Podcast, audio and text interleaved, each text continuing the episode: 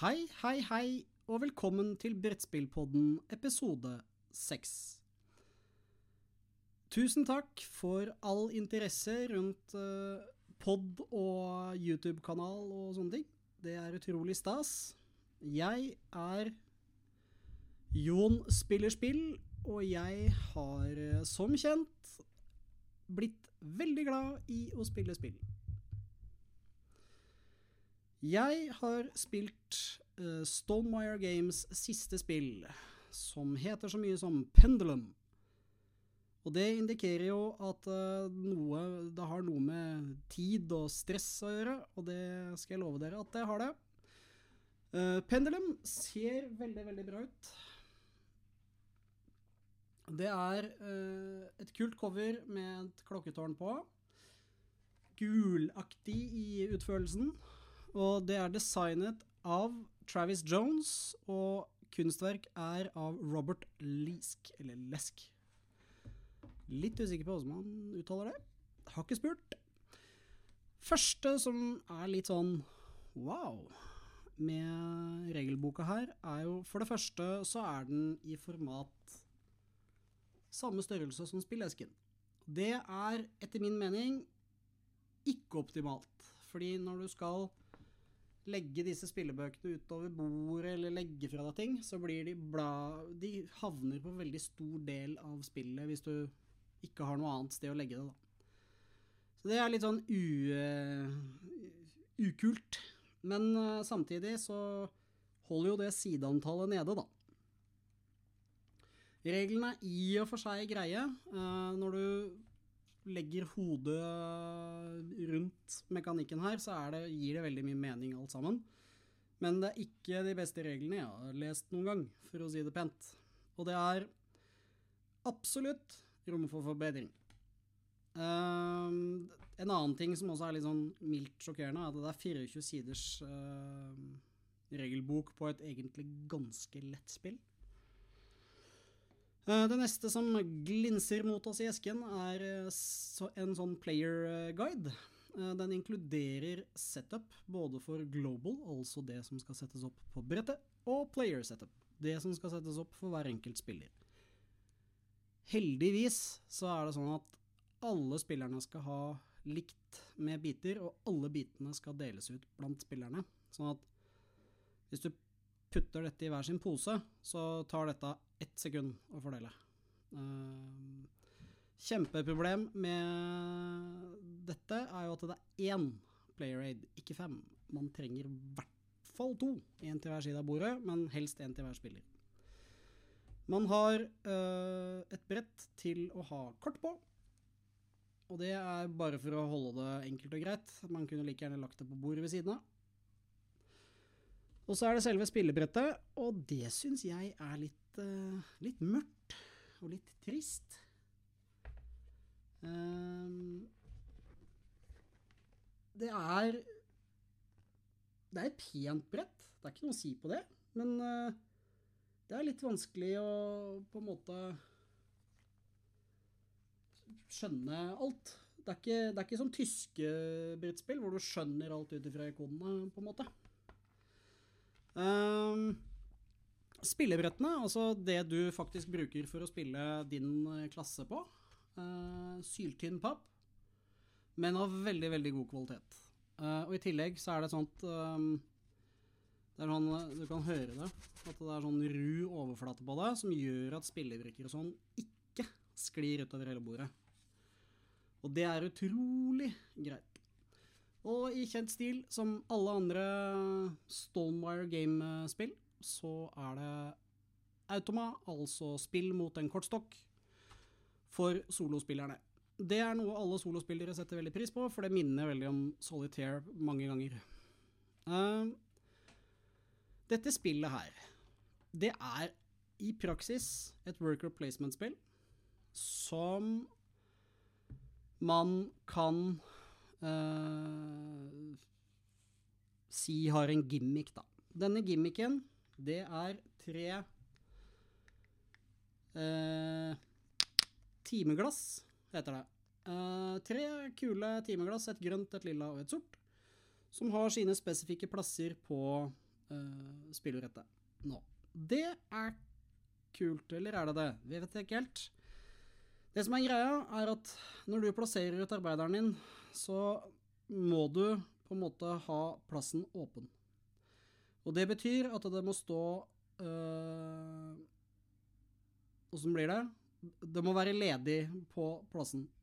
Når du skal bruke øh, på en måte arbeideren din, så må du flippe timeglasset og sette det der arbeiderne står. Da får arbeiderne lov til å gjøre sine actions. Og de action, actions forklares jo da ut ifra bildene på brettet og spilleregler. Mye blafring i spilleregler for å huske hva de forskjellige gjør. Eh, det som er litt sånn høna i egget og rosinen i pølsa, er at disse timeglassene de har forskjellig tid. Er, jeg husker ikke helt hvor nøyaktig det er, men det er eh, 45 sekunder, 90 sekunder og 120 sekunder. Et eller annet sånt noe. Det er i hvert fall tre forskjellige tider. Og den ene er mye tregere enn de to andre. Og det resulterer i at det, du må det adder en sånn Du må tenke på hvordan du bruker arbeideren din. For hvis du bruker den, den arbeideren som blir sist ledig først, så har du ødelagt en hel runde for de andre. Altså, du får ikke være med på en hel runde fordi at alle arbeiderne dine er låst på det timeglasset som tar lengst mulig tid. Det som er greia, at så fort timesanden er rent ut, så kan du flippe, uh, flippe timeglasset igjen. Og det adder et stresselement, et veldig, veldig, veldig fremtredende stresselement i et ellers helt ålreit spill, som gjør at jeg bare Jeg, jeg klarer ikke å like det. Jeg, jeg syns det er rett og slett irriterende å holde på med de der timeglassene. Og jeg syns det er like irriterende fordi det finnes en sånn timer track som tar bort på en måte Den tar bort sandelementet, da. Altså tidselementet i spillet. Du bruker uh, en sånn timeglassbit til å ordne det isteden. Men du må likevel flippe glassene, så det, det blir helt meningsløst å holde på med den der, etter min mening. Jeg syns den er en tullete funksjon, og som de virker som de har lagt til helt på slutten, for, at de ser at det er mange som ikke liker uh, tidselementet i spillet. Uh, er det gøy å spille? Nja Vel, greit. Det var, det var, vel ingen som syntes at dette var liksom uh, beste spillet i manns minne. Um, er det dårlig? Absolutt ikke. Men liker jeg det? Absolutt ikke. Så det er en sånn eh, funny greie, for jeg er blodfan av, uh, av uh, Stonemire Games sine spill. Jeg elsker Wingspan, Scythe, uh, My Little Scythe osv. Jeg syns det er utrolig mye bra spill. Men han herre um, Hva het han? Han het så mye som Travis Jones. Han har jeg ikke mye til overs for. Han har laget et OK VP-spill som har blitt maskert som noe helt annet, og som da uh, faller litt igjennom, i hvert fall i min bok. da. Det er helt sikkert massevis av folk som syns dette er et kult spill.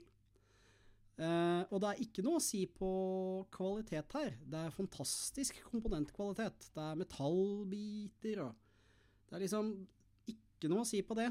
Det går ikke an å ta den for en ting. Kanskje Hvis jeg skal flisespikke, så kunne det vært tykkere papp på alle brett som skal brukes med biter på, men på den annen side så holder jo det vekta nede, og dermed prisen nede, og også miljøinntrykk nede, fordi at det blir lettere å transportere. Så absolutt et uh, spill som på en måte delvis funker, men som for min del, fordi gimmicken med timeren ikke funker i det hele tatt. Jeg syns den var helt bortkasta. Jeg husker eh, en jeg spilte med, han sa jeg ser helt klart at her er det smarte mekanikker. Eh, og jeg, ser på en måte det tyske elementet, eller det elegante elementet i eh, spillet. Men fordi de adder inn denne her tidstakinga og stresseelementet, så faller det fullstendig igjennom for min del.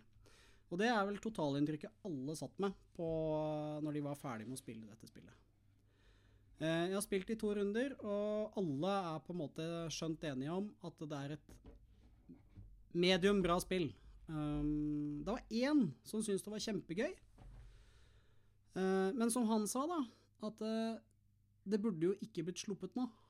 Midt i koronapandemitingen. Fordi dette med å flippe disse her timeglassene gjør jo at du lener deg over bordet og strekker deg over på andre siden for å på en måte ta tak i eh, det timeglasset og flippe det over, så du får åpna opp for dine arbeidere. For det er greia her. Du har dårlig tid, og du vil være først til å gjøre det. Sånn er det bare. Um, kommer jeg til å spille det spillet her igjen? Nei. Jeg har spilt det Tre ganger har jeg spilt det, faktisk. Og det, det er skjønt ferdig. Jeg kommer aldri til å ofre det en tanke igjen. Wingspan, det tar jeg frem rett som det er. Uh, og det slår meg at gjenspillbarheten på Pendulum er svært lav. Um, når det er sagt Det forrige spillet luringen uh, Jamie Stegmeyer ga ut og designet selv, det var jo Tapestry. Uh, Tapestry fikk jo utrolig mye pepper for å ha altfor dårlig sammenheng mellom kort og epoker. Noe jeg syns er helt tullete. Ja vel, jeg syns bare det var gøy å være liksom i steinalderen og få tidsmaskin. Det var liksom bare funny. Det er ikke It's not that kind of a uh, civilization game, for å si det på en uh, engelsk måte. Men i hvert fall så har han også da nesten samtidig sluppet en expansion til Tapestry. Den koster uh, ja, 350-400 kroner. Her i Norge, vel å merke. Og jeg syns uh, Dette er da en spillboks som er hva for noe? 20 ganger 20 cm eller noe sånt noe. Bitte liten. Og det er jo uh, Jeg garanterer dere at det kommer til å gå rett, rett i basic gameboksen. Fordi å plassere sånne bokser som det her i hylla er helt krise. Du må ha masse like spillbokser, eller så Det går liksom ikke opp noen gang. Så det blir å ditche inserts, putte i poser og ha alt i base game. Og det syns jeg bare er kult. I denne så får du da en uh, vadmelspose. Og nå har ikke jeg spilt med denne expansionen her, men altså det du får, det er uh, en spilleregel på fire sider uh, ti asymmetriske civilization mats. Altså, du får ti sivilisasjoner som er annerledes enn de i base game, selvsagt. Og som har sikkert kanskje litt mer gjennomprøvd spillbarhet enn det en del av det som slapp igjennom nåløyet på basegamen. Du får 15 tapestry-kort, uh, og så syv unike sånne hus. Sånne landmarks, heter det egentlig. Uh, og de er utrolig bra laget, altså. Det er skikkelig, skikkelig kult laget. Og så får du tolv landmark tokens, og det brukes til noe et eller annet. Og så fem landmark cards og en exploration bag. Ok? Det er helt kult. Ulempen er vel, som jeg ser det, at bagen er gjennomsiktig. Det gjør kanskje ikke noe, men uh, den er nå engang det. Jeg vet ikke om det kommer frem på videoen som de på YouTube kan se, men Altså, jeg ser liksom brikkene gjennom, men på den annen side kanskje man ikke klarer å se hva det er. Det er kanskje tett nok. Ja, det gjør ikke noe. Uh, disse Civilizationene er akkurat som pendulum. Det er tynn papp av god kvalitet med sånn ru overflate som gjør at det ikke sklir så ut når du skumper borti det. Noe jeg setter veldig, veldig pris på. Um, Kvaliteten på disse landmark-bygningene er helt sinnssyk. Um, dessverre så Det er en, en jeg spilte med, han sa Vet du hva? Disse landmarksa kunne like gjerne vært eh, Tetris-brikker av papp med cool artwork, fremfor å ha eh, sånne fancy plasthus. Fordi totalprisen på Tapestry nå med base game og expansion er vi oppe i 1400 kroner. Og det er på grunn av husene. Det er ingen tvil. Er de kule? Ja, jøss. Gjør de at spillet blir fantastisk kult å spille? Ja. Betyr de noen ting som helst for spillbarheten? Nei. Ingenting. Det er bare for å få frem at du bygger en sivilisasjon med masse rare, funky hus som ser ut som godteri noen ganger. Um, så kul expansion med veldig sånn kule add-ons som på en måte tilfører ikke noe sånn voldsomt mye. Jo, de av dere som har basegame med nummertrykk på forsida, altså første printen som er en av Hva er det for noe? 12 000 eller noe sånt? nå? 25 000 kopier er det. Eh, der kan dere ha gæren romskiptile. Uh, og det står det på printboardet som disse tilesa i dette spillet ligger uh, Eller er, er, i. Så før du puncher ut, så bør du gå og sjekke hvilken tile du har. Jeg kan faktisk huske første gangen vi spilte det, at vi stussa på den tilen, fordi alt annet i spillet var sånn elegant forklart, sånn at du skjønte ikonologien i spillet veldig fort. Men akkurat den tilen måtte vi slå opp hver gang vi kom bort inn. Og det var sånn hm, Det er egentlig veldig merkelig, da. Fordi eh, det pleier ikke å, å være en issue med Stormwire-spill at du må slå opp ting igjen og igjen og igjen og igjen. Og det viste seg jo da, når denne expansionen kom ut, at det hadde vi rett i. Det var ikke meningen, det var en print-error. Og så må jeg bare si en ting som Stonewire har begynt med, som jeg syns er helt sinnssykt genialt. Jeg tror jeg har nevnt det før. På siden av esken så er det bilde av hvordan uh, husene skal ligge i inserten. Det er kjempesmart. Det burde alle spill som har insert med figurer eller sånne ting, bare begynne med. Kjempekult. Uh, det er tolvårsgrense på spillet. Gudene veit hvorfor. Det er jo fordi at det er litt vanskeligere enn det en åtteåring kanskje liker å spille. 90-120 minutter. Uh, min erfaring er at du spiller Tapestry i hvert fall i tre timer. Det er lengre spill enn som så, men Eller nei. Det gikk ganske fort. Og jeg glemmer at jeg ofte spiller sammen med en som har total AP noen ganger. Og det må man jo ta hensyn til. Det er ikke bare bare. Sånn! Det var det jeg hadde tenkt å si om de to spillene der. Uh, det er i aller høyeste grad utrolig kult å kunne holde på med en podkast som også lager video i Espen Thoresen-stil. Um, jeg er veldig, veldig klar for å få noen forslag i forslagskassa, så send gjerne et forslag til eh, brettspillpodden at jonspillerspill.no. Så er det ikke usannsynlig at det blir trukket ut en vinner av en eller annen kul giveaway eller noe innimellom. Eh, og jeg syns absolutt at uh, man kan komme med spillønsker, f.eks. Har du spilt bla, bla, bla? Ja, det har jeg. Så kan jeg lage en video eller, eller en podkast av det. Uh, jeg er kongen av ø, så det får dere leve med. Jeg er reineste Jens Stoltenberg når jeg setter i gang med dette her. uh, det er veldig, veldig gøy å holde på med, og jeg skripter ingenting uh, i det hele tatt. Uh, noe som sikkert mange syns er veldig, veldig rart, men clouet er jo at uh, det jeg sier, er nesten som å se det på direkten. da. Så det eneste er at jeg tar bort hvis jeg banner eller sånne ting.